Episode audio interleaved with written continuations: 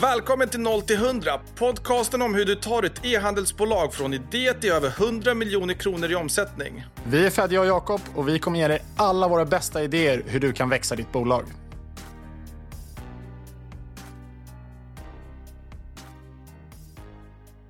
Kul! Vi är tillbaka med ett nytt avsnitt av 0 till 100. Hur mår du idag Fedja? Ja, men det är bra, lite stress här inför Black Week, men uh, övrigt så saker och ting rullar på. Hur mår du Jakob? Jag mår alldeles utmärkt. Det är väl eh, det är sunt med lite stress så här dags på året. Och idag har vi med oss en gäst i vår podcast, nämligen Anton Höjding från Nudient. Du, jag frågade alldeles nyss här vad du själv ville titulera dig som och vi kom fram till att Allt i allo kanske var bästa titeln. Men officiellt på LinkedIn så står det att du är CCO och du är även någon form av CMO. Varmt välkommen till podden. Tusen tack, jättekul att vara här. Vi ska idag prata ganska mycket om meta och hur man kan skala bolag med meta. Men jag tänkte att vi börjar någonstans med att få höra lite om din bakgrund, hur hamnade du på Nudient och kanske framför allt lite vad som hände efter att du började på Nudient. Mm. För att ni har ju nämligen lyckats åstadkomma precis det som vi försöker hjälpa bolag att göra med den här podden. Alltså att skala ett bolag från 0 till 100 miljoner kronor i omsättning började egentligen med att jag, jag är från Uppsala för det första, jag flyttade till eh, Göteborg och pluggade finans på Handels där, men upptäckte ganska snabbt att jag, jag tyckte det var sjukt spännande, men jag ville göra någonting mer som närmare liksom passion, hjärtat och sådär. Så då hittade jag ett bolag där som hette Axel Aragato och var relativt nystartade, men tyckte de var de bland de coolaste i, i Göteborg. Mm. Så jag eh, skrev till dem och fick eh, till slut eh, ett jobb där. Så hoppade på det som, som business controller i något halvår, ett år och sen blev jag väldigt intresserad av eh, någonting som heter performance marketing. Ja, men fick upp ögonen för det. Jag tyckte det var en väldigt rolig eh, del för att man kunde se sin egna impact egentligen väldigt eh, snabbt egentligen. Alltså om man gjorde någon förändring, någon ny strategi eller liknande kunde du få det på, på print ganska snabbt. När var det här ungefär i år? 2016. Så de var ju ganska små. Jag tror det var runt eh, 10-11 anställda. Eh, omsatte runt 30-40 miljoner. Häftigt. De har ju kommit långt eh, sedan dess får man ge dem. Ja, det gick väldigt bra de tre åren jag var där, men eh, jag tror de växte från 30 till 150 miljoner. Men eh, det har gått ännu bättre sen jag slutade, så jag vet inte hur mycket, mycket det uh, har med mig att göra. Men... Så antingen så satte du perfekta processer som sen har gjort att de har kunnat skala ännu mera, eller så var att du lämnade katalysatorn för att de verkligen skulle lossna. Ja, ja, ja, ja, ja inga kommentarer, jag vet inte. men det var, det var en väldigt lärorik resa och, och man fick jobba väldigt nära grundarna och sådär och, och mycket att tacka för, eh, för det allt man lärt sig där. Kul. Och sen eh, kom du till Nudient direkt därifrån? Nej, då började jag faktiskt eh, på Precis Digital, en, eh, liksom, en stor datadriven liksom, marknadsföringsbyrå som är väldigt duktiga på ja, men, eh, liksom, vad ska man säga, strategiska initiativ i, i, liksom, i allt från attribution till mer liksom, top-level-strategier, eh, inte bara liksom, oper operationellt i kanaler utan man fick lära sig väldigt mycket där. Men jag saknade ganska, ganska snabbt det här att eh, jobba med en större helhet, alltså allt från brand, creative, vision, produktutveckling i någon mån, var ska varumärket gå?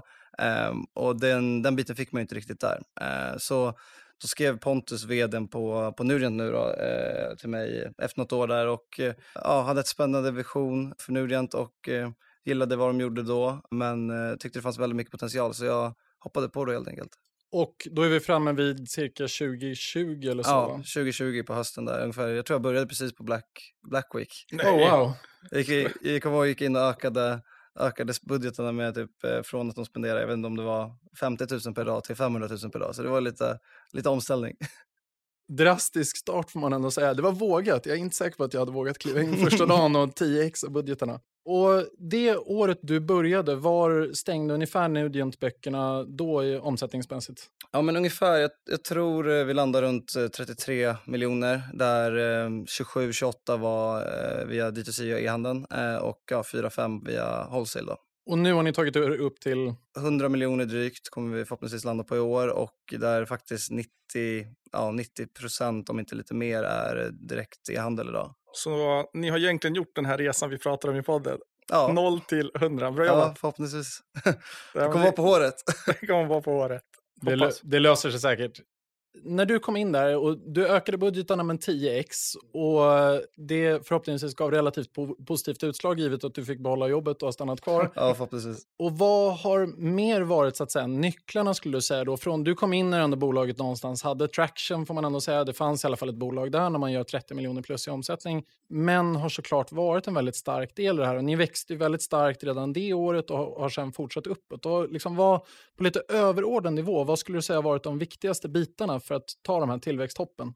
Ja, men jag skulle säga, alltså, den viktigaste biten är att eh, liksom, den vertikalen eller mobilskal eller mobilaccessorer är, det finns väldigt liksom, mycket bolag eller företag som säljer mobilskal, men det finns väldigt, väldigt få varumärken. Så vi ganska snabbt eh, liksom, eh, såg den öppningen och jag menar, våra produkter som vi sålde då, man såg knappt att det var Nudient för loggan var så liten och så vidare. Så det, det, var bland de första grejerna vi gjorde, att vi kollade på produkterna och ser vad, hur kan vi skapa ett ID som syns när våra influencers eller personer använder skalan. För annars är det, liksom, det är svårt att bara skala en helt generisk produkt eh, upplevde vi. Så det är en grej, att vi liksom eh, har lyckats eh, ta den spacen någonstans, att bygga ett varumärke inom en, en vertikal som eh, finns väldigt få varumärken egentligen. Och sen att vi, tror att det är att vi, våra produkter är, eh, vi kallar det design from the core, men det är egentligen att vi, vi gör, alltså produktutvecklingen för våra, liksom ett nytt mobilskal tar i regel ett år eller mer, för vi lägger väldigt mycket kärlek, vi använder industridesigners både inhouse och externt och ja, men lägger väldigt mycket kärlek på produkten.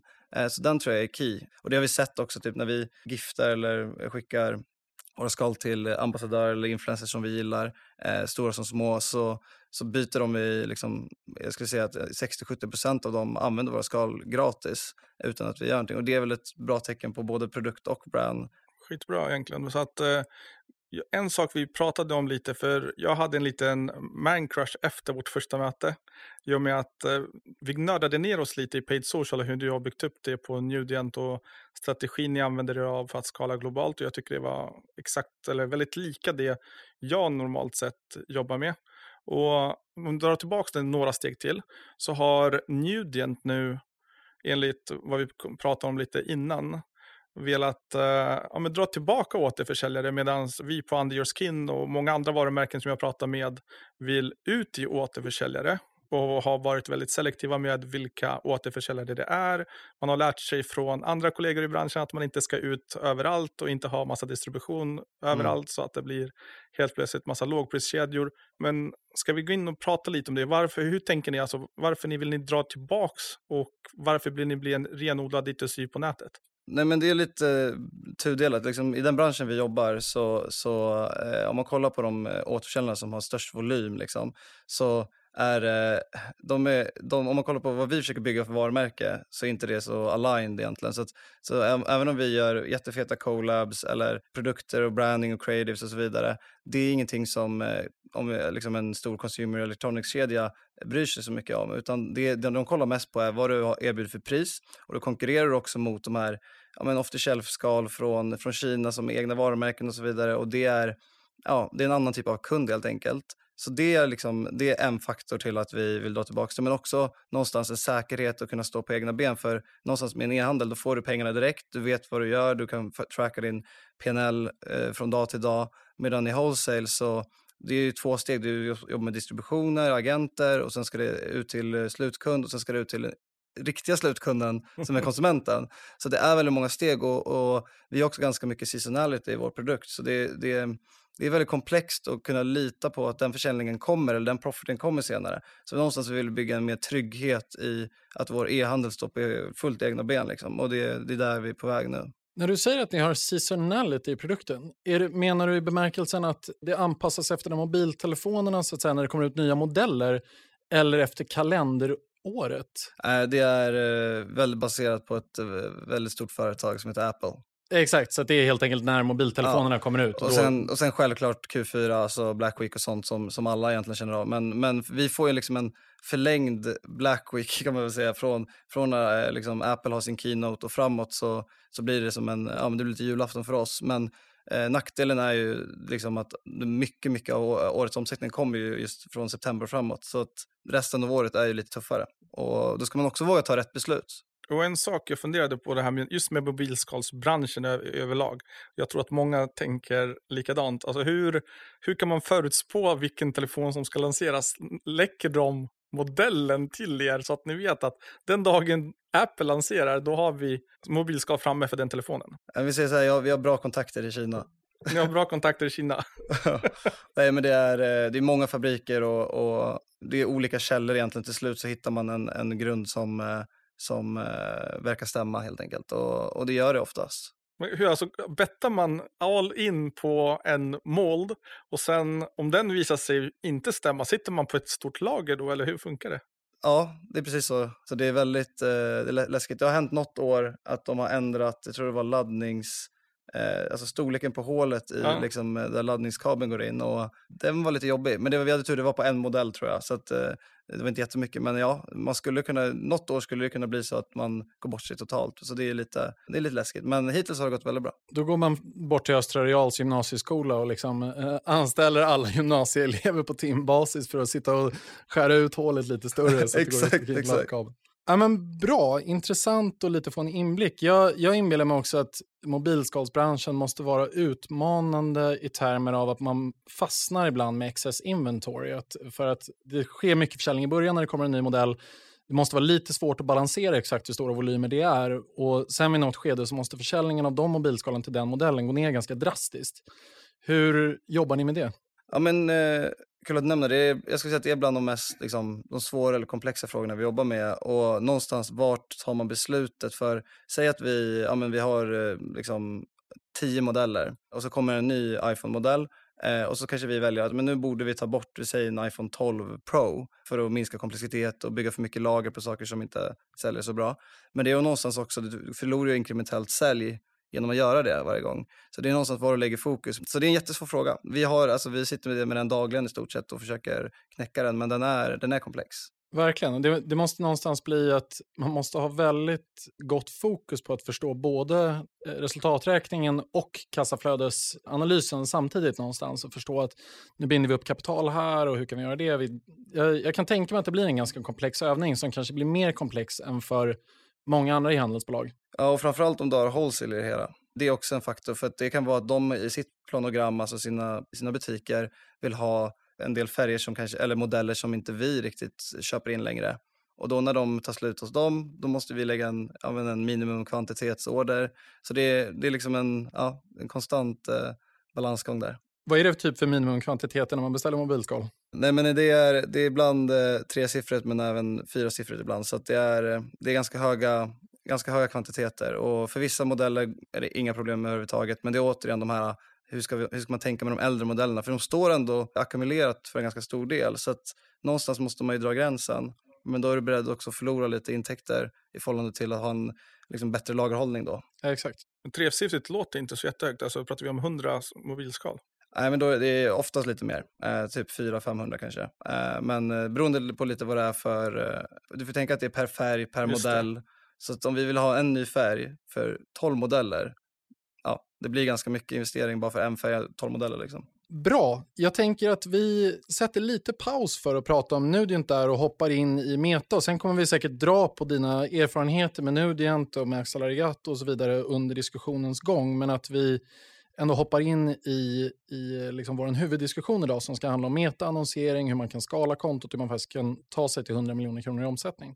Jag har skrivit upp en liten agenda som jag tänker att vi eventuellt kan ta oss igenom. Vi får se om vi kommer hela vägen och i vilket djup vi kommer till varje punkt. Men den i alla fall, jag tänkte att vi ska prata lite om budgetar, kontostruktur, siffror och KPI som eh, du och Fedja gillar att följa.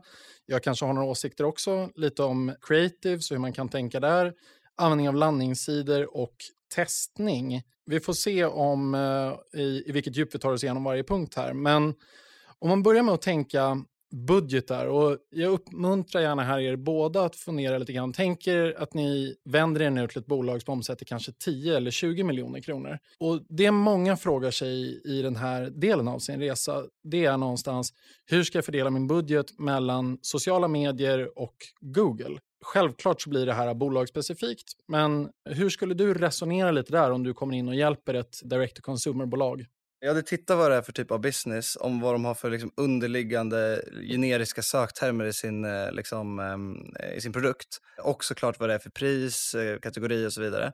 Men eh, om vi drar oss som exempel, det är ganska tydligt, säg att du har köpt en ny iPhone, du vill ha ett nytt skal för en iPhone 14 Pro. Eh, då går du in på Google och söker på iPhone 14 Pro-skal. Och där blir vi helt plötsligt väldigt relevanta. Men är du ett säg ett Axel Aragato eller ett Acne och någon kommer och söker en eh, vita sneakers eller och liksom du ska eh, liksom konkurrera mot Zalando eller de här typen av bolagen. Där tror jag där får man vara lite försiktig. Så jag tror eh, det hade jag tittat på. Är du mer high-end, mer liksom fokus på brand och kanske inte konkurrera mot Zalando de här, då skulle jag fokusera mer på paid social eh, och kanske bara liksom brand liksom äga brand såklart på, på SEM. Men ni är ju mer high-end och ni är ju mer fashion. Mm. Så hur gör ni? För jag tänker, ja visst att jag köpte en ny iPhone 14 Pro, jag går in och googlar. Mm. Hur sticker ni ut? Vi, eh, vi lägger ungefär 50-50 på paid social versus eh, SEM. Och det är liksom vi, någonstans vad vi kommunicerar i vår, på vår hemsida, nyhetsbrev, annonser och så vidare, det är en sak. Men sen är vi, vill vi fortfarande driva in kunderna som är, inte vet jag, eh, liksom Lotta från Bromma, mm. 50 år, eh, som vill ha ett mobilskal. För den, det är någonstans den typen av intäkt är det som vi kan göra roliga grejer av sen också och bygga ännu mer starka varumärken. Och jag tror att det blir väl våran, om man ska kalla Acnes eh, halsduk liksom. För den är väldigt många målgrupper som köper, eh, men kanske inte det de kommunicerar utåt liksom. Så så ser vi lite på det och eh, vi har ju, ett, alltså inom vår kategori så är ju priset ganska högt, men 400-500 kronor för, ett, för en produkt, det funkar väldigt bra för oss. Ja, jag tänker speciellt när man köper en flaggskeppsmobil som vi nämnde, 14 mm. Pro där och, och vill investera i ett bättre mobilskal. Och ni är ändå väldigt kända för att göra tunna, snygga, stilrena mobilskal. Det är i alla fall vad jag har i association med Nudient mm. per se. Och min köpresa med Nudent började ju långt innan jag började googla på iPhone 14 Pro. Utan när jag väl har gjort det, då har jag redan bestämt mig att jag ungefär vad jag är ute efter. Så någonstans så har ni ju gjort ett bra paid social-arbete mm. innan det.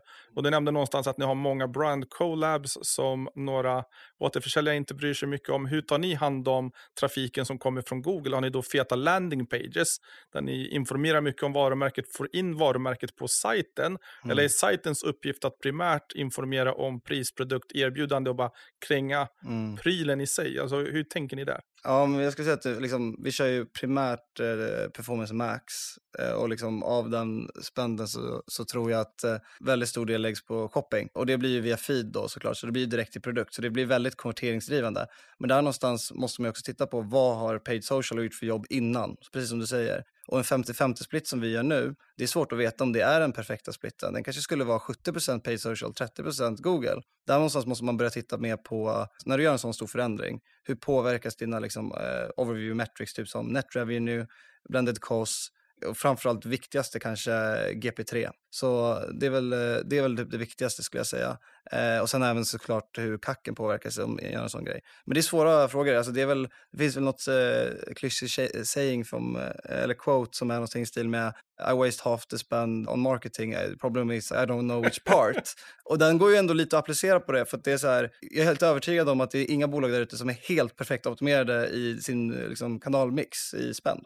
Men det, jag tror att det, det, är lätt att tänka att för att ni har en produkt med ett lågt ordervärde så tänker man att men, köpresan är så kort, så man visar en annons och så gör någon ett köp. Men jag tror att precis det här du beskriver nu, att jag har inte köpt ett mobilskal nu på länge, men det gör ju inte nödvändigtvis att jag inte vet vad Nudient är, utan det kan ju göra att, och även om jag nästa gång när jag ska köpa ett mobilskal inte tänker att jag ska googla på Nudient mobilskal, så googlar jag på mobilskal, men Nudient kommer upp bland de första alternativen och för att jag då har en koppling till varumärket så väljer jag att klicka på det alternativet. Så att den där liksom brand awarenessen, den auran som man har byggt upp, den är ju supervärdefull, även om fannen när jag väl bestämmer mig för att göra ett köp eh, är ganska kort.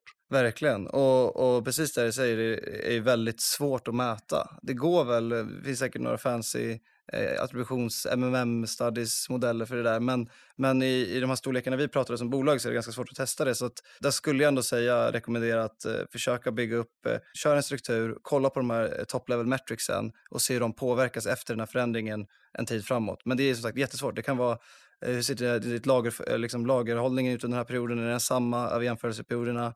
Är seasonalityn samma? Har någon influencer postat som ni inte har? Alltså, det är många grejer som kan påverka den modellen så att säga. En sak jag hade gjort om jag var ni, just i mobilskal och den D2C-modellen är, jag hör att det är 50-50, men ni är ju mer fashion än många andra i samma bransch.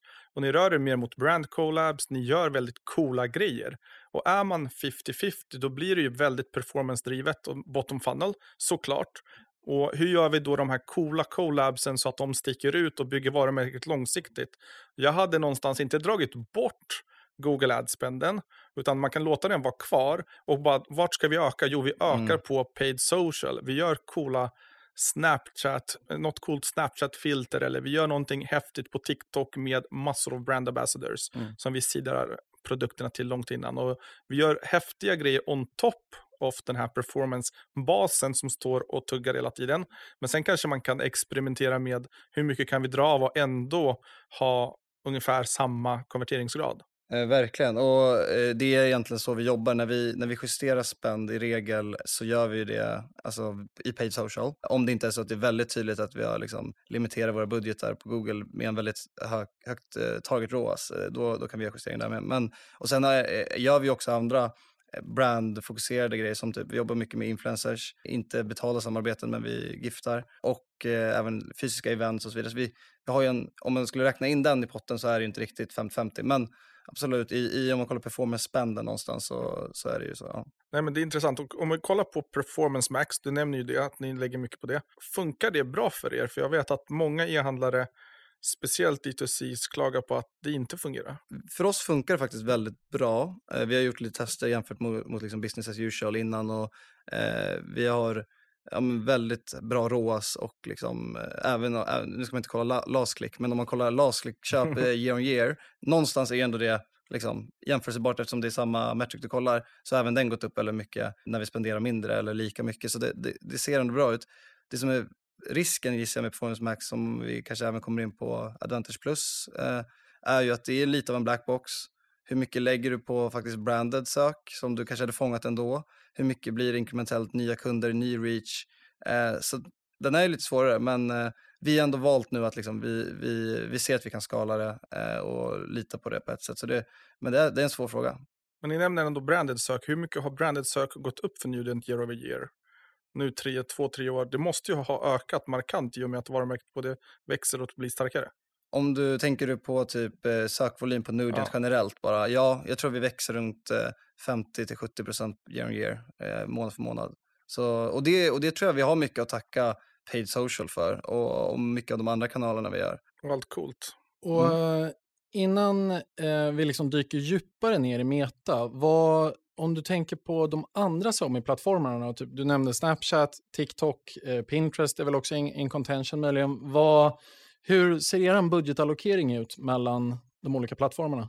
Ja, men vi lägger cirka 80 procent på Meta skulle jag säga. Och sen TikTok, Snap, Pinterest har runt 20 Och då är frågan så här, var, varför lägger ni 20 procent. Men det är någonstans vi har, vi har testat oss fram till var, var, när börjar vi se en tydlig diminishing return på, på ytterligare adspend i de kanalerna. Men det är också det är lite det vi pratar om. Hur, hur, vad hade hänt? Vad hände med liksom, om vi ökar spenden på TikTok med 200% från ena dagen till den andra? Hur påverkar det de andra kanalerna? och hur ser man helheten? Och där återigen måste man titta på det jag sa, på liksom overview metricsen och se dem över tid och försöka dra någon slutsats där. Eh, men det absolut bästa kanske är att göra ett switch-off-test eh, eller att du går in i en marknad du aldrig gjort någonting innan i eh, och bara säga nu kör vi bara TikTok här. Och hur påverkas det över tid? Kolla total revenue, allting och så. Har ni gjort något switch-off-test där ni stänger av en hel kanal? Så bold har vi inte varit, men vi, vi gjorde faktiskt ett eh, med våra, vår seeding i USA. För det är också en sån, när vi seedar väldigt mycket i Sverige eller Tyskland som är våra största marknader. Eh, det är svårt att, liksom, eh, revenue dag för dag kan fluktuera ganska mycket. Och då är det svårt att säga så här, vad, vad, hur mycket gav det egentligen? Så att, eh, men i USA testade vi, vi hade ingenting annat på, bara körde seeding och då såg vi ändå att liksom, eh, baselinen gick upp med typ 200-300 procent, visserligen från låga nivåer, mm. men vi såg ändå en impact efter någon månad bara eh, och det var inte jättemycket. Så att, eh, eh vi har gjort det lite, men eh, man skulle behöva göra mer, men det är lite läskigt. Det är en alternativ kostnad i det också. Och du nämner också diminishing returns. Hur mäter du det? Så hur kan man se att det är en diminishing return-effekt? Alltså det är en jättesvår fråga, men säg att vi, eh, som ett exempel, vi, vi, vi tar Tyskland som marknad. Mm. Eh, vi kör bara Google och, och Meta där. Vi vill lägga till eh, TikTok. Eh, och då kanske man följer då liksom eh, net revenue, eh, du kollar på hur mycket du spenderar, du kollar på din, framförallt GP3. Om du adderar då 10 000 om dagen säger vi med bara TikTok, hur påverkas GP3 över tid? Eh, om den är eh, liksom stabil eh, eller inte opåverkad eller ökar, då, då ser vi det som att då gör vi någonting bra. Mm. Då, då kan vi liksom fortsätta, eller då gör vi bra creatives, bra brand, bra produkter eh, som gör att vi kan hela tiden pusha vår diminishing return egentligen. Men det är jättesvårt att veta. Det är, var det för att vi hade sämre lager, återigen, jämfört med perioden innan? Eller var det, ja, det, det, är en komplex fråga. Jag tänker bara för att det ska vara tydligt för alla som lyssnar också. När du säger GP3, vad avser du då? Det är egentligen eh, om man räknar bort eh, eh VAT från intäkter, du räknar bort eh, returns, outbound flights, card fees, return handling fees och allt sånt där. Och sen egentligen din marketing spend. Och det du får över där. Och där är det viktigt, så här, vi har gjort misstaget lite under året, så här, kolla mycket på GM3, alltså som är eh, liksom procenten av, av GP3 genom totala intäkterna. Eh, Problemet är att den är ju lite irrelevant beroende på volym. Mm. Så det kan ju vara så att du har en mycket lägre GM3 än vad du hade tidigare, men du säljer mycket mer. Så att eh, din totala int eller eh, GP3 gross profit då är högre ändå.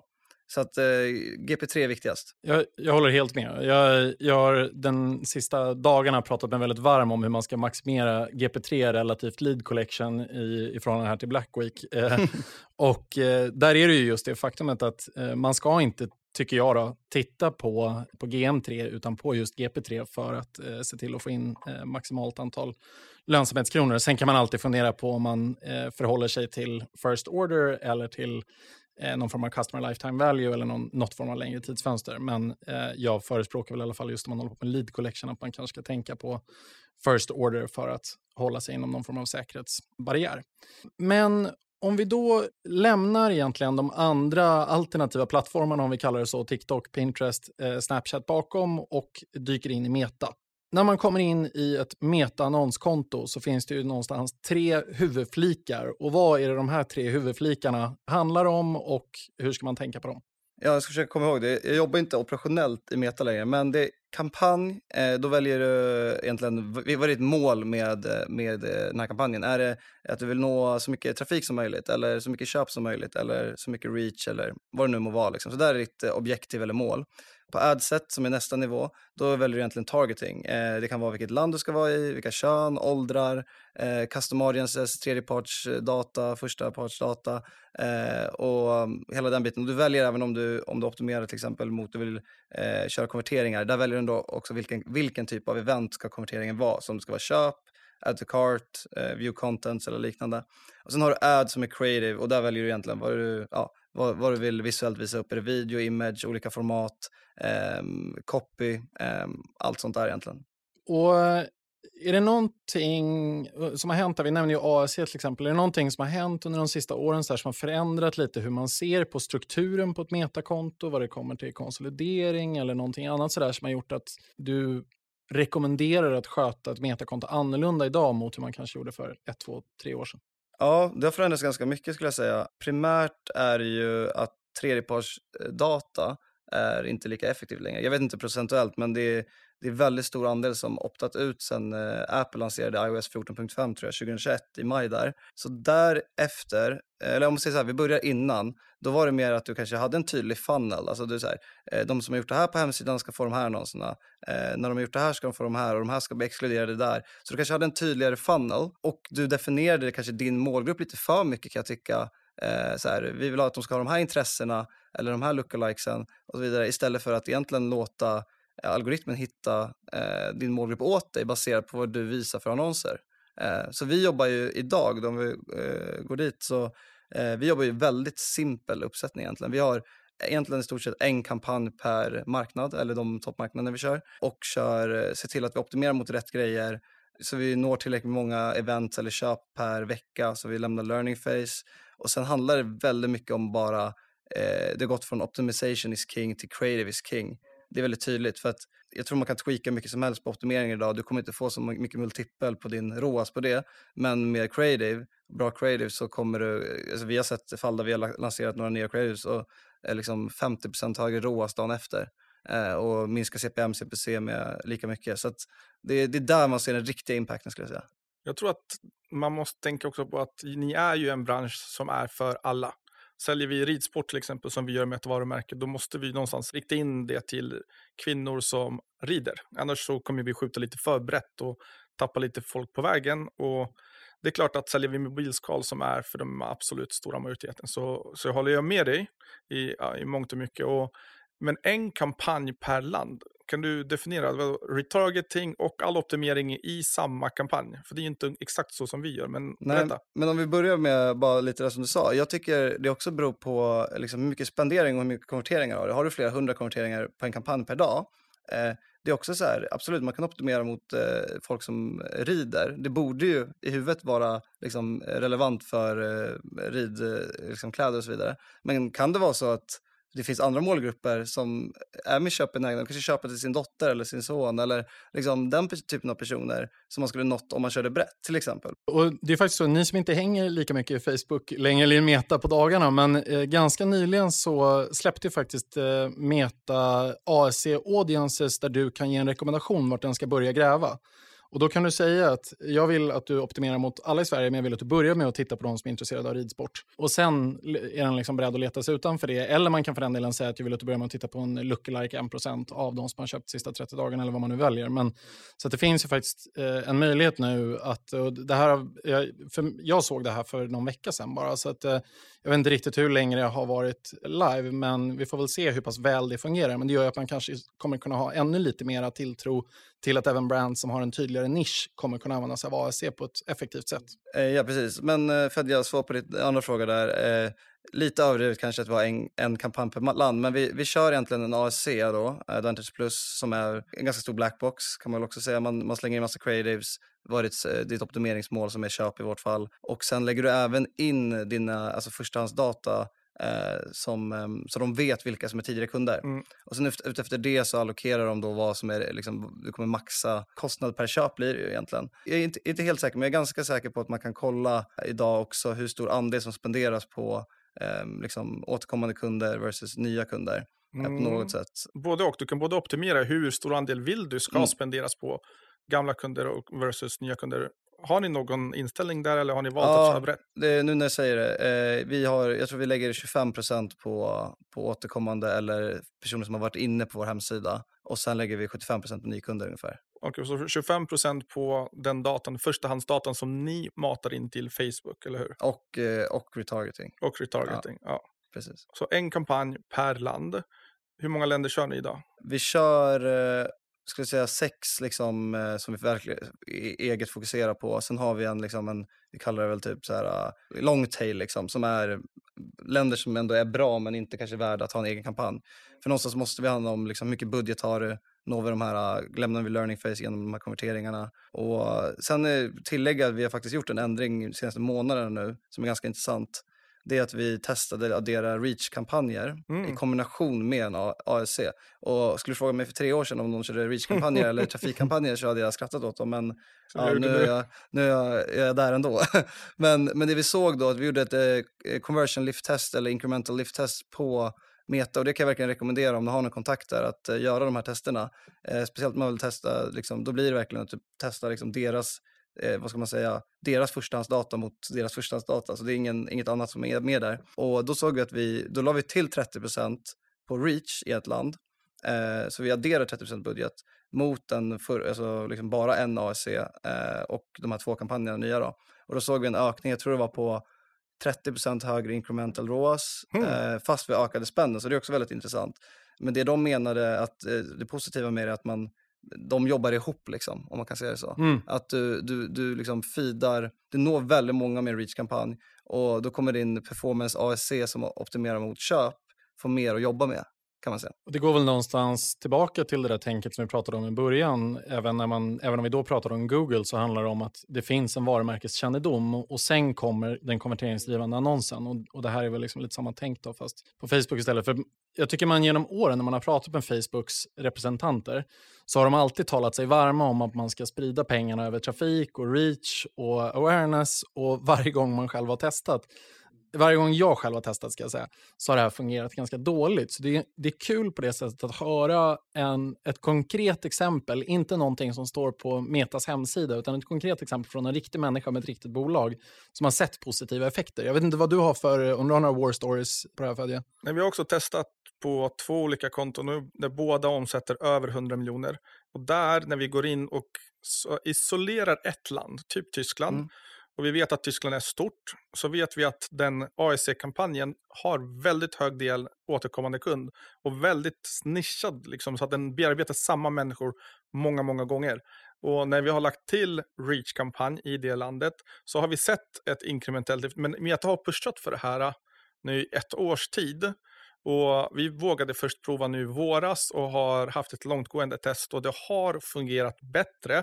Men som du säger innan så är det svårt att förklara vad är causen till att det har fungerat bättre? Är det att vi har haft bättre dropp? Det här är ett fashion brand, är det ett bättre dropp eller är det eh, att vi har säsonalitet eller någonting annat som gjorde att det är en year over year lift än, än bara just den här reach-kampanjen. Och den är svår att se på kort sikt när man tittar bara på en månad, två månader. Vi har tittat över fyra och en halv månad nu och vi ser att det finns ett tydligt lyft, men vi vet inte om det beror på att den här reach-kampanjen når fler utanför vår egen målgrupp och att det matar Advantage Plus-kampanjen eller inte. Cause, vad brukar man säga? Cause and... Uh... Cause and effect antagligen. Ja, men cause and effect. Ja, vilken, ja, men så här, vad, vad beror det på? Nej, men jag, jag håller med, alltså, för oss tog det också, även om vi har en ganska, en ganska, eller vi har en väldigt kort eh, köpcykel, liksom. jag ja. tror 90 procent eh, köper inom liksom, 4-5 dagar. Men när man gör ett sånt test så gör du ändå det under samma tidsperiod, med samma förutsättningar. Mm. Så att eh, det borde ändå vara rätt så signifikant. Alltså det är inte att seasonalityn påverkar eftersom du gör det under samma period. Eh, du har två kampanjutsättningar mot sin kontrollgrupp i samma marknad. Så att, eh, jag tror de resultaten är ändå ganska... Det låter som ni har använt olika metodik mm. i kanske ja, hur testerna har, eh, har utförts. Nej, men, och, och, det ska väl sägas också att man får ju tillgång till lite bättre support från Meta och eh, testning och sådana grejer vid något skede. Jag vet inte vad som Meta har officiella gränser för när man får det eller inte, men jag, men jag kan tänka mig att det är någonstans runt spänd på kan det vara 4-5 miljoner kronor om året någonstans? Och så Mer. Du måste Mer. ha en kvartal. I Sverige, det är olika beroende på vilket land det är till att börja med.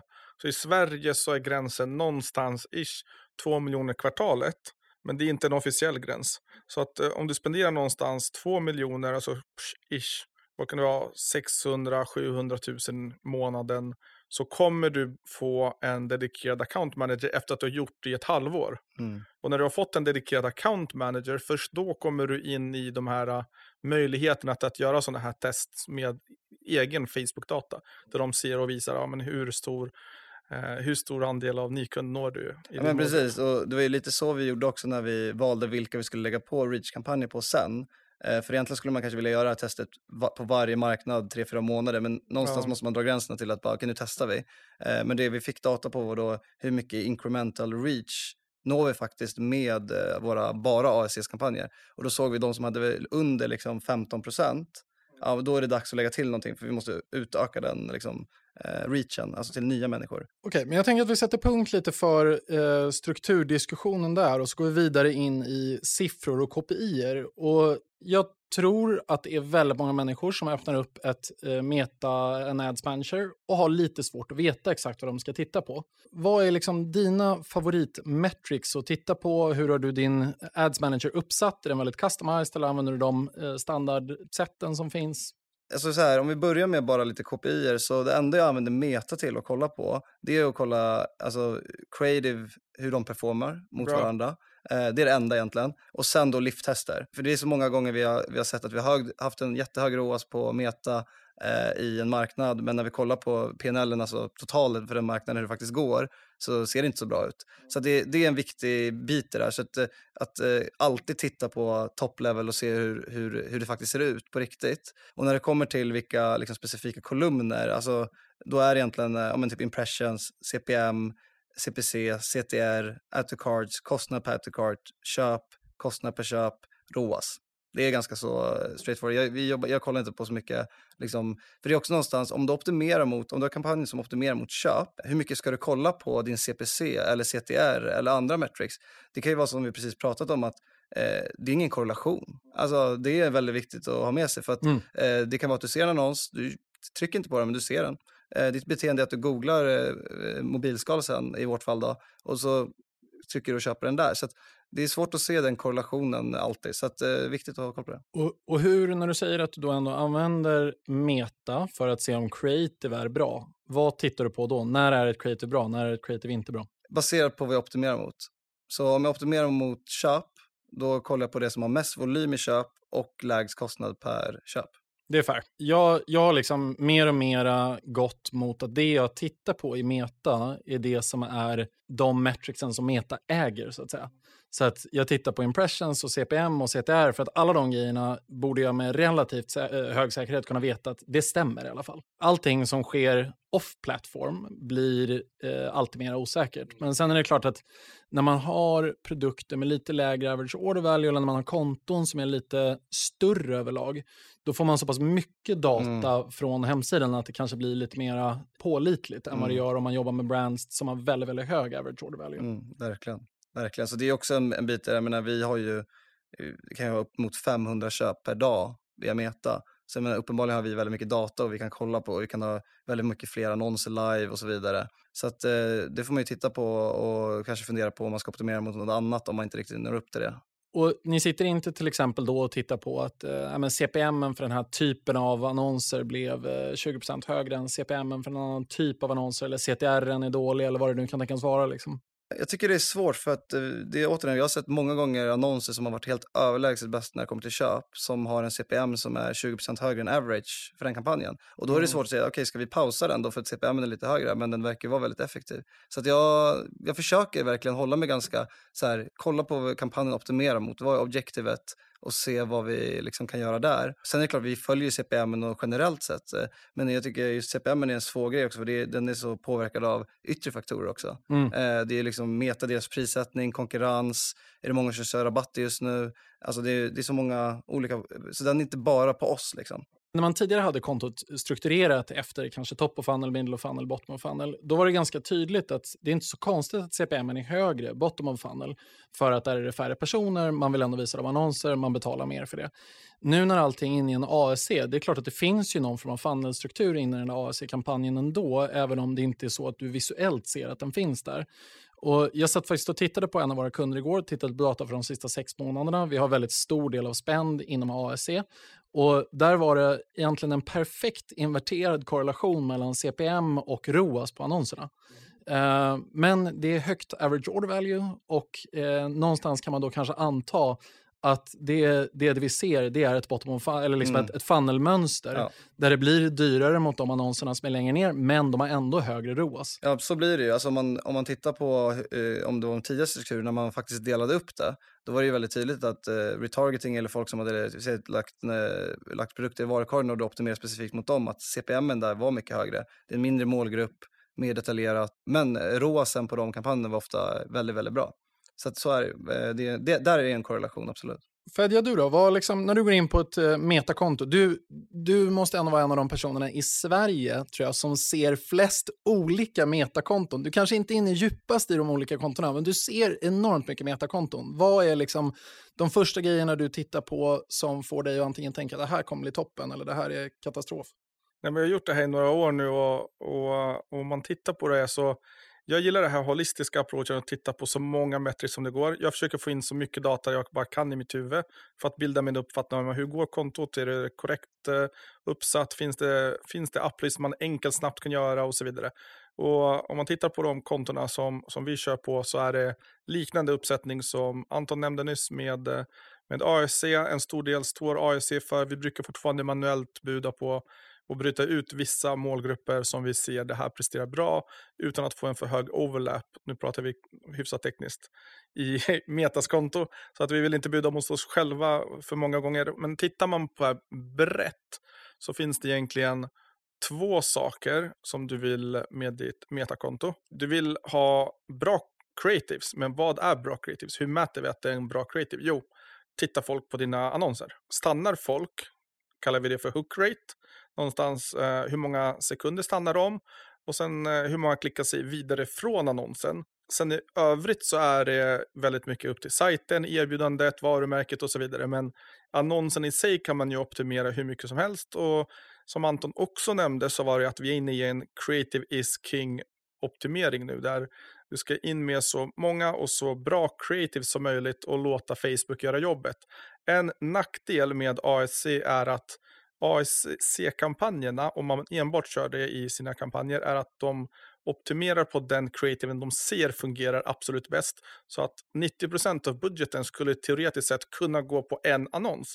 Så sitter man där och gör sjukt många bra annonser som man tänker det här borde vara rimligtvis en bra annons, stoppar in det i kampanjen, men den får inte tillräckligt med budget så den får ingen chans egentligen. Och då betyder det att ja, Facebook pushar de produkter den ser i data har fungerat, men den ger inte chans till övriga produkter, vilket kan vara en nackdel beroende på vad man säljer. Är det typ mobilskal så är det en, mindre nackdel. Är det typ andra produkter så kan det vara en, en större nackdel att man inte får övriga lagret att röra på sig. Men eh, vi pratade lite om, om eh, hook rate. Exakt, och vad är hook rate tänkte jag fråga dig, för att det kan vara bra att förklara. Ja, jag tänkte det. Och det är egentligen en uh, egen metric, en custom metric, så att du kan själv gå in i Facebook. Det är inte så att jag inte kollar på CPM och CTR och, och vad Facebook tycker är en bra ROAS någonstans. Det är klart att det är bra base metrics. Du måste ändå ha en underliggande förståelse för hur mycket betalar vi för att våra annonser ska synas för tusen personer. Och hur mycket betalar vi över tid? Är det mer eller mindre än förra året? Är det mer under den här typen av produkt eller den här typen av att videoannonserna är dyrare än, än stillbildsannonserna? Då kanske stillbildsannonser ska vara våra kampanjannonser eller kampanjmaterial och videoannonser ska vara någonstans vårt top of funnel brandmaterial för att vi vill betala på det sättet. Ja, hur mäter vi det? Jo, vi kollar på video views, alltså till exempel hur många sekunder är du inne på hur, kontra hur länge du är inne i, den här, i din video view. Hur länge stannar du? Är det tre sekunder eller fem sekunder eller sex sekunder som mått? Eller om du har i procent, är det 25 procent som har sett annonsen så är det en tillräckligt bra annons. Vi brukar någonstans mäta två eller tre sekunder över hur många personer som har sett det. Three second video views delat på impressions kör jag delat i alla på fall. Impressions. Ja, två second video views delat på impressions. Och sen har du en uh, två eller tre beroende på vad du har för typ av produkt. Och det vi säger någonstans är en väldigt bra annons här om det 40% har sett annonsen eller två sekunder eller längre. Varför vi säger två sekunder är för att Metas average är två sekunder. Så att om du slår average så har du en bättre annons. Så kan du slå två sekunder så slår du snittet på alla annonser på Facebook. Det vill säga att de allra flesta annonserna syns eller scrollas förbi på under två sekunder. Det är ganska galet om man bara sätter det i perspektiv över hur mycket pengar vi öser ner i en plattform där folk bara scrollar förbi ens annonser. En snabb fråga där. Hur ja. ser ni en, en, korrelation mellan de som har högst uh, rate av det där med uh, högst ROAS? Absolut, på, och speciellt över tid. Någonstans får man tänka att okej, okay, har folk sett en annons under två sekunder så har du inte ens uppfattat vilket varumärke som annonserar. Så det är klart att om du har sett en annons 6, 8, 10 sekunder i snitt så kommer du ha uppfattat varumärket eller budskapet i, i den här annonsen mycket tydligare än om du bara scrollade förbi. Så att man kan bara grundförutsättningen är ja. Och sen nästa steg är att du måste mäta det här utanför plattformen. Vi kan inte i plattformen lita på Facebooks ROAS. Det är, det är bort, borta ur fönstret sedan 2021. Även om du mäter äpple mot äpple i Facebook så kommer Facebooks 10 ROAS och 5 ROAS i princip säga väldigt lite om hur annonsen presterar. För att det kan lika gärna ha varit någon, något mätfel som Facebook i sig själv har mot sig själv. Så att vi måste mäta det utanför. Och tittar vi på utanför så kan det vara helt andra siffror. Även om vi bara mäter UTM eh, spårningen i GA4. Och GA4 kan man tycka vad man vill om. Ett helt annat avsnitt, vi får ha ett avsnitt om det. Ja. Hur hemskt det har blivit. Men eh, hur man än vrider och vänder på det, om vi mäter det här utanför så kommer man kunna se att shit, den här annonsen presterar bättre i och med att den ses mycket oftare. Och Någonstans är hookraten de första 2-3 sekunderna. Vi vill få folk in i videon. Holdraten är hur många ser klart den här videon eller i alla fall 75% av total videon, videolängden. Så att folk stannar kvar och ser klart det budskapet man har att framföra. Framförallt så, jag tycker också det enkla svaret någonstans är också att om du tänk, tar en annons som du ser går bra, men har en hook rate på 25 om du då kan gå tillbaka till den annonsen och fundera på vad skulle vi kunna göra annorlunda de första två sekunderna som gör att vi får en hook rate istället för på 35% Då höjer du ju helt plötsligt antalet människor som tittar på den med 40% och då om annonsen är så bra som vi tror då, då borde det rimligen göra att fler sen konverterar. Och det kanske räcker med att du adderar någon färg eller någon större text eller ändrar fontstorlek. Det kan vara små grejer där i början som gör att fler människor väljer att stanna kvar. Så jag skulle också säga att jag använder både hook och hold rate mycket för att optimera annonser som ändå redan fungerar snarare än att säga att alla annonser med hög hook rate har också väldigt bra ROAS. För så är det inte riktigt. För att lite på samma sätt som att alla annonser som har hög CTR har inte alltid hög ROAS, för det kan vara lite clickbait till exempel. Men, Men det som blir lite lurigt där är ju någonstans om, om eh, som du säger, om man inte kan lita fullt ut på, de använder någon typ av statistisk modellering för att, eh, för att ge köp idag eftersom det är så många som har optat ut från tracking. Det är ju någonstans så här att om man optimerar mot köp så kommer ju eh, Meta spendera pengar de som de modellerar mest till. Ja. Så det kan ju, lite som vi pratade om där, hur styr man det då? Eh, har man två ACs, en som är liksom brand creatives och ser till att de får sin kärlek om man säger så i spänn, eller, och sen liksom, så man delar upp det per kategori av annonstyp istället. Eh, så det är, lite, det, är, det är en ganska komplex fråga. Jag kan säga att vi brukar lägga någonstans 50-60, ibland 70 procent beroende på vilket konto på ASC. Vi vet att ASC fungerar, det har fungerat, vi har ökat den procenten över tid. Nu ligger vi någonstans där och det är klart under Black Week så kommer den öka, den kommer totalt dominera. Men i övrig tid så vill vi ge vissa nya creatives som vi testar kärlek så att den får chans. Så vi, vi testar ju en ny batch creatives varje måndag, exempel varje måndag eller tisdag. Och sen utvärderas den under veckan, vi vet om den fungerar bra eller dåligt och ska den in i ASC-kampanjen eller inte. Mm. Det utvärderas fortfarande i en, i en manuell budgivning så att vi har full kontroll över hur många ser det, hur mycket bjuder vi på det och att alla annonser får ungefär samma chans, i alla fall initialt första och andra dagen hur, hur jag skulle rekommendera är någonstans, har man tid så är det bra och har man processer för det att sen kunna spåra vilken annons gick bra och varför är det hooken man testar, det vill säga de första två, tre sekunderna. Och det är klart, du kan ha en clickbait hook. Så säger, You'll never know what uh, figure... Så, så här, folk vill se klart när de ser en clickbait hook, men det betyder inte att annonsen i sig kommer driva försäljning. Det är klart, den korrelationen är ju svår att dra. Men har vi en ärligt bra hook som ger videon en chans, så kommer det generera sälj down the road. Det är min största övertygelse någonstans. En, en annan där också, eh, just vad det gäller hur man fördelar spännen mellan kampanjerna och sådär. Vi, eh, när jag kör Junipers konto, då har vi även uppdelat två ASC-kampanjer i Sverige. En för badrum och en för sovrum. För att jag vet att om jag lägger alla de där i samma, då kommer sovrum äta upp väldigt mycket av, eh, av spänden. Jag vill ändå försöka spända lite på badrum. Det är dessutom ganska olika CAC och olika average order value när människor köper i de här olika kategorierna. Och Det gör att om jag har allting i en, då upplever jag att jag kanske tappar en del av den finansiella kontrollen som jag annars kan ha. Jo, jo verkligen. Och där tror jag att är du liksom en, en återförsäljare som säljer, vi säger typ Elgiganten, liksom, eh, om de bara skulle köra sådana kampanjer, då skulle det troligtvis bli, bli en väldigt övervikt på en kategori eller liknande. Så de måste, man måste ju någonstans dela upp det då, absolut. Jag tänker att vi, eh, vi går vidare in lite grann i, i creatives. Vi har redan touchat på det en del, men vad är det liksom... Eh, creatives är ett väldigt, väldigt brett koncept och jag tror vi alla är överens om att det är nog viktigare idag än vad det någonsin har varit på ett sätt. Det är svårare nu att vara liksom duktig i det taktiska och vad det gäller uppsättningen och allting i förhållande till vikten av creatives. Men vad är det som man ska tänka på när man går in här i 2024 vad det gäller creatives? Det är lite nya format, reels är på liksom, uppgång och så här. Vad, Fedon, vad, vad tänker du? Nej, men jag tänker Reels har varit eh, totalt dominant ur ett eh, creative-synpunkt. För TikTok-innehåll överlag har spridit sig till Instagram som har spridit sig till Facebook och totalt dominerar all typ av content. Bara, bara låt oss börja där. Vi behöver inte ens diskutera den alternativa vägen att gå. För det finns många sätt att, att göra creatives på. Men om vi börjar med att uh, basera fakta. Vad funkar just nu och vad kommer funka ännu bättre längre fram? Videoformatet har totalt dominerat top of funnel. Även om vi kollar i AEC överlag. Och kollar vi klick, billiga klick så är fortfarande stillbilder eller karuseller väldigt effektiva när man har en kampanj, typ en rabatt eller något liknande. Eller nu har vi en ny produkt, vill bara få billiga klick till sajten för vi har gjort en bra landingpage. Bra. Överlag så är det real slash TikTok-ish stilen där man vill få sina creatives att se så organiska ut som möjligt. Det är de som får längst video view times och det är de som folk tittar på längst när man någonstans inspirerar, underhåller, utbildar sin uh, målgrupp. Och mm. någonstans den typen av material.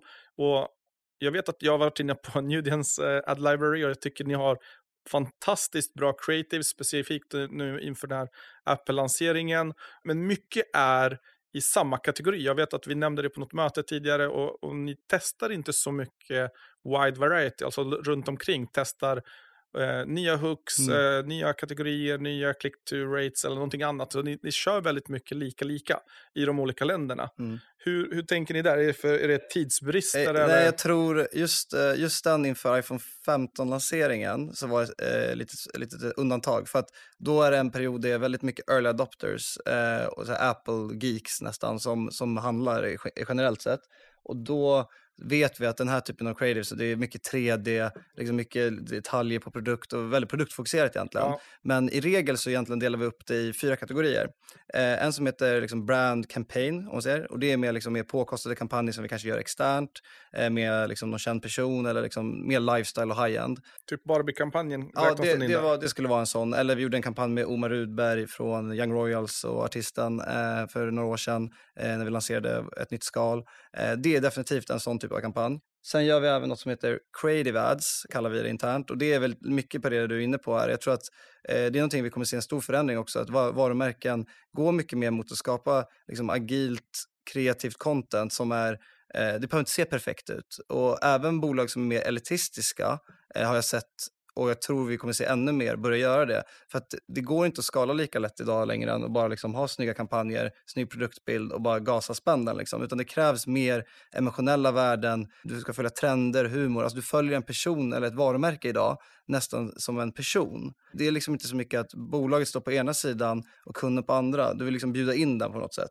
Och det är en utmaning om du vill hålla dig väldigt eh, cool. Hur gör man det väldigt approachable men ändå eh, liksom fortsätta vara cool? Så vi jobbar med den typen av annonser också. Sen har vi något som heter technical ads. Och det är väl lite det du har sett inför iPhone 15 där som är väldigt liksom, produktfokuserade men väldigt fortfarande on brand så det ska kännas coolt och bra. Liksom. Jag tycker fortfarande man kan bygga varumärke i produktannonser och det är någonting man, jag tycker man ska ta med sig. Och sen jobbar vi med UGC och det är User Generated Content från influencers vi jobbar med eller coola personer. Eh, så de fyra är egentligen det vi generellt jobbar med. Men det som har varit senaste inför iPhone 15 då, då var det, det är liksom vår prime time när vi ska hämta försäljning. Det är lite en Black Week som jag nämnde tidigare. Så då, då blev det väldigt mycket fokuserat på, på performance produktannonser egentligen. Men generellt sett så jobbar vi i de här fyra annonskategorierna egentligen. När ni spelar in den här typen av brandannonser, är det större kampanjer, dyra kameror, stort team, hur, berätta, hur, ni, hur går ni tillväga för att ni ska komma på ens vilket content av det här, eller kör ni en stor brandkampanj, det här ska funka till Facebook, det ska funka till TikTok, det ska funka till sajten och sen klipper ni det efterhand? Mm. Eller har ni tänkt till innan att det här kommer funka skitbra i Metas plattform?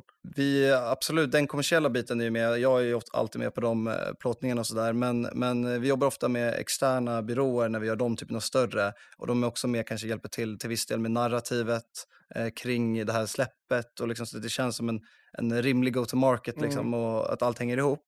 Men eh, även där, jag tror den typen av kampanjer är någonting vi kanske inte kommer göra lika ofta som vi gjort tidigare. Eller, alltså, mycket vi har märkt nu att vi, man kan skapa väldigt mycket brand, alltså coola grejer själv eller på ett mycket mer kostnadseffektivt sätt. Tänker ni i stil med att vi är beredda att lägga ner x procent av våran ad budget på eh, att ta fram creatives eller har ni någon sån tumregel? Alltså vi har ju en budget som vi sätter årligen, men den är, eh, som även vår performancebudget är, väldigt dynamisk skulle jag säga. Så mm. lite beroende på hur det går, ser vi någonting funkar, det, eh, det, det är samma med, med eh, performance. Om vi ser att vi har en GP3 eller GM3 då, som ser positiv ut när vi fortsätter öka spänden, då kommer vi inte då kommer vi liksom inte hålla igen där, utan alltså, då kör vi på där vi, där vi ser att det funkar. Och lite samma med creative, alltså vi, vi har väl lite mer förhållningsregler där kanske kring en viss budget så att allt ska gå ihop. Men, men eh, nej, vi har en, en initial budget som, som sen kan oftast förändras lite.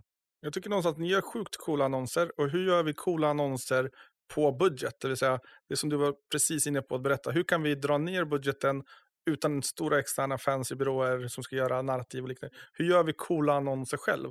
Ja, men det kan vara, alltså, där tror jag mer, det handlar mycket mer om, eh, vi brukar kalla det internt för ja, men creativity och speed trumps eh, quality. Okej. Och när vi menar quality, då menar vi liksom produktionskvaliteten. Så det är själva kreativitet, narrativet bakom idén som är det coola. Eh, och det kan ju vara typ så här, vi ser många inom vår, eh, vår nisch som går ut och så vet, ska stå utanför en Apple-butik och ska kasta upp sitt skal eh, 30 meter upp i luften och, och se att den klarar sig efter ett fall. Eh, Jag får dem på YouTube Ja hela tiden. ja, men exakt. Ja, men de, är, de, de tar sig själv på väldigt stort allvar. Liksom. Eh, där kan man ju driva med sig själv, eh, liksom att eh, vi, så att vi gör det och sen eh, landar den och så är den helt paj bara. Det är lite, då får du in humoraspekten i det. Fan, de verkar ju rätt sköna kanske man tycker. Och de vill jag följa. Eh, eller typ, det här gjorde vi för sig med en extern byrå. Vi bollade de idéerna ihop och det är att vi, tar, vi tog en sprayflaska och liksom, eh, med eld och bara körde en liksom flamethrower på ett skal. What? Och så hittar man på något roligt narrativ kring det. Alltså det tycker jag är ett billigt sätt och någonstans skapa engagement och eh, något typ av emotionellt värde i det. Mobilskal byggda för människor som beter sig som människor istället för människor som tror att mobilen ska vara en granat i en krigszon. exakt, exakt. Ja, men härligt. Om man tänker sig för, steget förbi creatives, använder ni er av landningssidor när ni till exempel nu gör en iPhone 15 batch av annonser? Eller tar ni människor in på er eh, huvudhemsida? För de så här större grejerna, typ eh, om vi har eh, eh ja, men iPhone 15-lansering, då gör vi en separat landningssida där. Där vi samlar liksom alla eh, iPhone 15-modeller där du lätt kan filtrera på det och så vidare. Eh, men om vi typ, till exempel släpper en ny färg till en viss modell eller en viss eh, skalmodell eller typ så då kanske vi drar den till bara news eller nya färgerna inom den kategorin.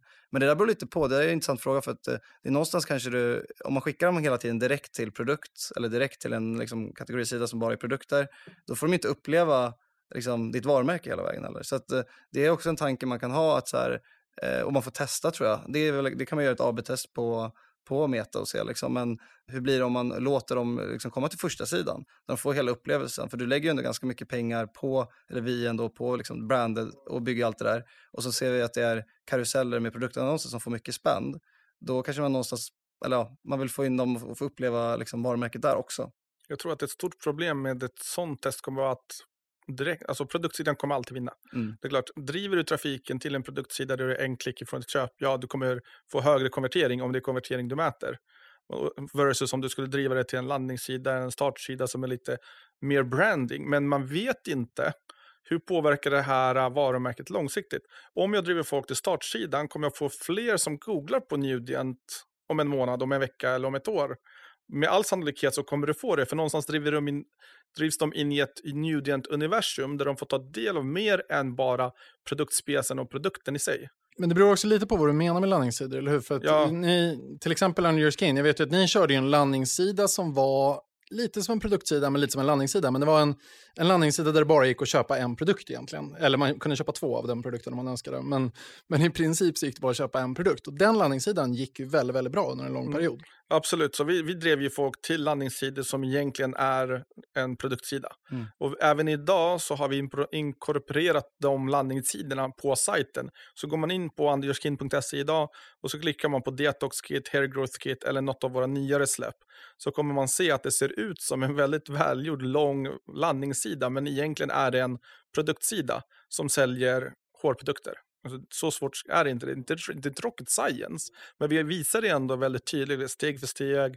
En founders video, vi visar UGC-material, vi visar tydliga reviews, ratings och testimonials. Och hela den faderullan på produktsidan. Istället för att bara ha som väldigt många konkurrenter då bara visar tråkiga produktbilder och så här köpknapp, pris och lite information om produkten. Exakt, men vi valde ju att göra exakt likadant när vi byggde om vår hemsida här under våren. Att liksom ha mycket mer utbyggda produktsidor med väldigt mycket information som återigen och återigen svarar på de vanliga frågorna som kan dyka upp vid ett köp. Jag skulle också säga att vi dirigerar i princip all vår top of funnel-trafik fortfarande till landningssida för sängkläder. För att jag Eh, inbillar mig i alla fall, jag, jag ska helt ärligt säga att vi gör inte det här särskilt datastyrt, utan det är verkligen någonting jag känner snarare än som jag kan bevisa. Men att jag tror att ett köp på 4 000 kronor, det är svårt att ta en människa till en produktsida och få dem att komma direkt till köp. Jag tror att det är bättre att leda dem in lite mera i storytellingen, där liksom storytellingen kommer först och sen produkten. Medan produktsidorna, även om vi har mycket information på dem, så börjar det ändå någonstans med produkt och sen kommer storytellingen under. Och jag vill liksom reversera den, det flödet lite grann. Jag köper det. Mm. Om vi går in på också creative testing, jag älskar att testa saker. Hur, hur jobbar ni med det Anton? Alltså, hur testar ni vilken creative ni ska köra, vilken batch ni ska köra? Hur ofta byter ni ut creatives? Ja, alltså creative ska man testa hela tiden, som du säger. Och vi, vi gör det ganska simpelt, kanske till viss del för simpelt. Men vi, kollar, vi sätter inte upp några typ AB-tester mellan creatives, utan vi, vi, har, vi använder typ våra kampanjer där vi använder liksom all vår spend i. Och sen eh, matar vi in creatives där. Och sen ser vi, beroende på vad optimeringsmålet är, vad över tid Eh, går bäst, säg efter två veckor, en vecka. Eh, ser vi att någonting inte får spänd, inga konverteringar, ja men då troligtvis har det inte varit bra. Och sen där risken med det som du nämnde tidigare är om du har massa produktannonser som tar all spänd.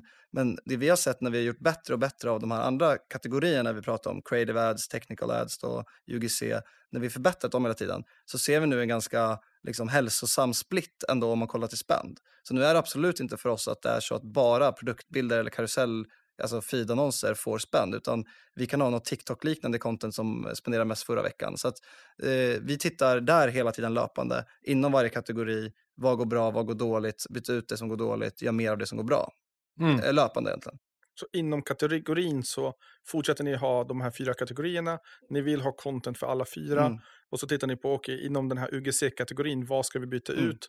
Men ni har ingen exakt så här, scientific metod för att byta ut den, utan det är mycket av, okay, den här annonsen presterar dåligt den här perioden, vi byter ut den. Ja, eller vi tittar ju på, det, det som är viktigt att göra när man testar creative testing är någonstans att man, man testar en parameter. Ja. Eh, så det är typ att du, du, till exempel en grej skulle vara, det är samma bild, men du har en lekfull copy och en elitistisk copy någonstans där är ju, kan du börja se vad, vad, liksom, vad är det som faktiskt gjorde skillnad på de två annonserna. Mm. Så det försöker vi absolut förhålla oss till. Men det är klart, inom vissa kategorier, typ creative ads, när vi, då kanske det är att vi kör mer klippningar alltså, och gör någonting sånt mot en mer liksom, annan typ av storytelling. Ja, men det ja, hur signifikant det är, det är svårt att säga. Liksom. Men, men eh, vi försöker ändå särskilja dem på något sätt så att, som är tydligt att, eh, ja, och utgå från att det är det som gör skillnaden. Då tar ni sen ut det här, äh, om vi, vi testar copy, ena är elitistisk, andra är lekvill. Ni tar ut det sen i Excel och så testar ni någon annat, något annat i samma video eller samma annons eller stoppar när man pausar man där och går vidare till nästa annons? Ja, eller just det exemplet kanske är, så att vi vill gå från att vara elitistiska till mer lekfulla. Ja. Då vill vi testa det först om det verkligen kan vi få det att funka. Liksom. Men nästa steg skulle väl vara att ta den som går bäst, lekfull, säg att i det fallet lekfull och den annons gick bäst. Ja, då provar vi något, någonting annat. Okej, var ska vi placera loggan? Alltså där eller inte ha någon logga alls. Alltså det, då får man ju bygga vidare på det. Men någonstans så blir det ju, ja, du, du, det blir liksom en löpande eh, oändlig process. Liksom. Det är ju lite part science, part art någonstans. Ja. Att, eh, det, man måste ha lite fingertoppskänsla och sen så använder man data för att någonstans dirigera de beslut man tar.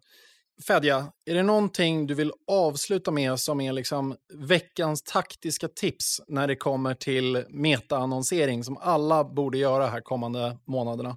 Nej, men vi har varit mycket inne på det här avsnittet tycker jag. Jag tycker att eh, Antons approach med att ha en ASC per land funkar skitbra. Sen tycker jag att eh, det vår approach adderar på det är den här testmetodiken på, som vi pratar mycket om här på slutet. Det är svårt att testa i ASC-kampanjen vilken creative som funkar bäst för att alla får inte lika mycket utrymme och alla får inte lika ja, men det finns inte en chans för alla att synas. Så att lyfta ut det i en vanlig eh, old school-kampanj och mät det på ett enkelt sätt i olika adsets beroende på någon målgrupp som man känner att det är en bra målgrupp för oss. Vi testar det, eller så kör man bara väldigt brett och testar det i en bred målgrupp och sen när man ser att en annons funkar så för vi in det i ASR-kampanjen. Jag tror att man ska förstå någonstans att det vi sagt under avsnittet är att creatives trampar den här medieköpsstrategin som man hade förut, där man meckade mycket med optimering. Så att eh, det framåt, mitt absolut starkaste tips är försök att göra mer content, testa det i den här miljön som vi precis pratade om och sen för in det i din ASC för att kunna skala uppåt den budgeten så mycket det bara går. Reach nämndes några gånger, den här Reach-kampanjen. Experimentera med det om man ska dra ett hårdra det så nej, det kommer inte funka för alla. Ja, det kommer funka för vissa. Och är du en av de vissa, vet dig, du måste testa. Ja, eh, jag tror mitt tips för veckan det är att när du går in i 2024 så försök att sätta upp en regel för dig själv om du är ett bolag som är någonstans 0 till 50 miljoner. Då finns det, det är ganska sannolikt att du inte testar tillräckligt mycket annonser. Sätt upp en regel för dig själv att du ska lansera minst en annons varje vecka. Eh, det låter väldigt lite och, och, vi på byrån lanserar nog snarare liksom 7, 8, 10 annonser varje vecka. Men är man en eller två personer som sitter och driver ett företag själv, då är en annons i veckan ganska mycket. Och har man minst en annons i veckan, då kommer det bli mycket, mycket mer än 50 annonser på ett år. För att ibland kommer man lansera några extra.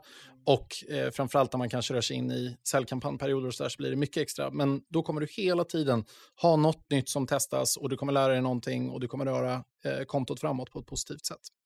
Bra, då sätter vi punkt för den diskussionen. Och sen så eh, tänkte vi då köra vårt vanliga tema här när vi bjuder in en gäst, Anton. Att vi frågar om du skulle starta ett bolag idag, och försöka ta det från 0 till 100 miljoner kronor i omsättning inom en relativt snar framtid. Vad hade du kunnat tänka dig att starta för bolag eller vilken kategori hade du rört dig mot? Jag, jag kommer nog inte nämna en specifik produkt, men eh, en, en tankegång jag hade väl, eh, verkligen rört mig inom är ju, jag hade hittat en vertikal eller en produkt som eh, den stora massan använder, men där liksom, ribban för att bygga någonting coolt, en nisch i varumärke, är låg. Eh, några exempel på det tycker jag är Estrid, oss Nudient eh, och typ Steamery. Även om Steamery är primärt wholesale skulle jag säga, men de har ändå tagit en produkt som som kanske inte var så rolig och gjort den eh, liksom, på sitt sätt och sticker ut. Så jag skulle försöka hitta det någonting.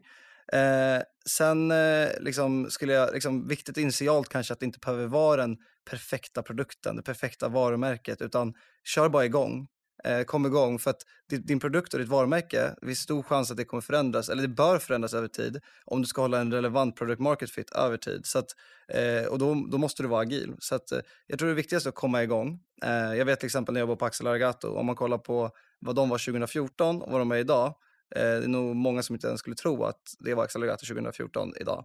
Eh, så att, jag tycker det är en intressant eh, take på det. Jag kommer ihåg mina första Accelerator-skor. Det, det blödde om fötterna efter att jag hade gått runt i dem där ett par dagar. Ja. Men jag gillar verkligen, verkligen Accelerator och nu tycker jag de har alldeles utmärkta skor. Men man känner att det har skett en, en utveckling. Ja, men verkligen. Och bara kolla loggor och allt möjligt. Och sen skulle jag liksom, rent värderingsmässigt verkligen försöka få till en produkt som jag har passion för eller ett slutmål i, i businessen som jag har passion för.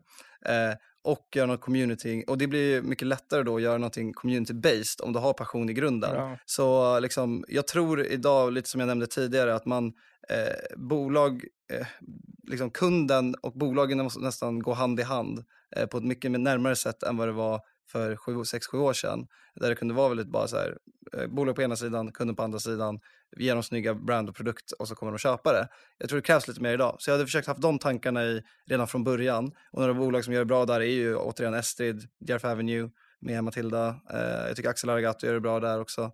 Sen ett bolag som är från Stockholm som heter Unna, eh, som har med liksom, sportkläder på ett coolt sätt.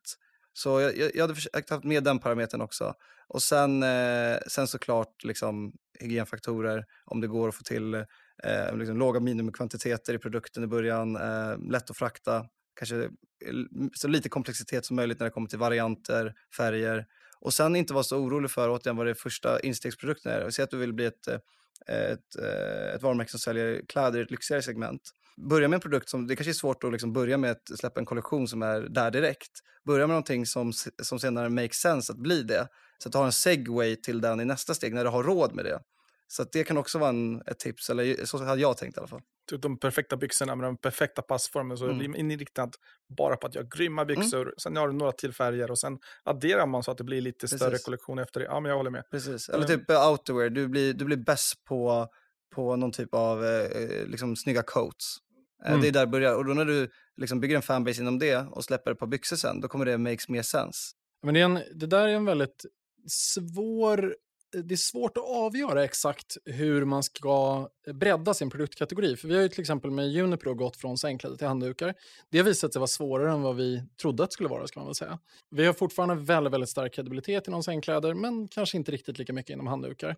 Medan man kan ju se andra varumärken som Asket då, till exempel, som började med en t-shirt och sen har breddat ut i många andra produktgrupper. Jag skulle tro att de flesta människorna som kommer i kontakt med Asket idag antagligen inte ens vet om att det började med t-shirtar, utan det känns som ett, ett eh, fullt modevarumärke.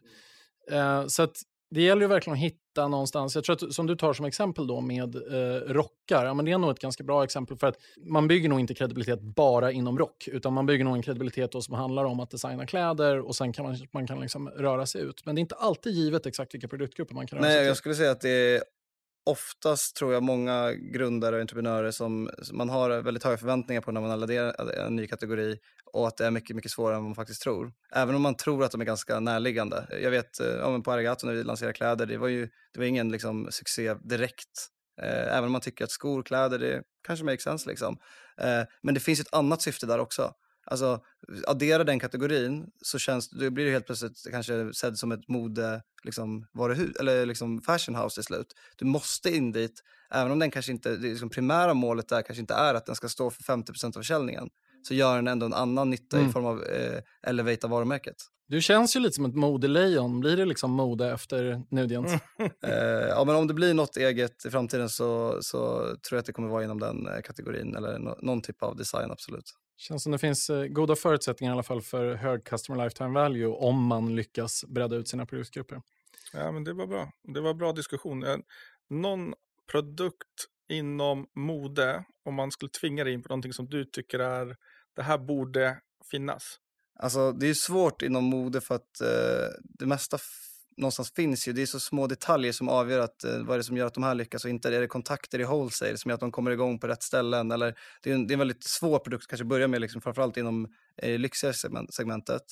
Eh, men eh, jag kan ju tycka fortfarande att eh, det saknas eh, lätt förklarat, totem för killar. Ja, det känns ju som att de DTC-varumärkena som har lyckats väl inom modebranschen, de har ju ofta hittat en hero-produkt och sen åtminstone hävdat att de har löst ett problem med den hero-produkten. Sen om de verkligen har löst det här problemet eller inte, det kan man ifrågasätta. Men typ True Classic, liksom, de har gjort en t-shirt som, som passar eh, herrar som kanske inte har tränat jättemycket och får dem ändå att se liksom, bra ut. Och det där har gjort att det är väldigt många som köper den t-shirten och så har de byggt ut massor med produkter bakom den. Men De säger själva att de har ganska svårt att eh, annonsera för sina andra produkter, men man köper ändå andra saker från dem. Och, och det finns liksom många andra sådana där, eh, något danskt varumärke med, med byxor och liksom... Suit Supply tänker jag på. Mm.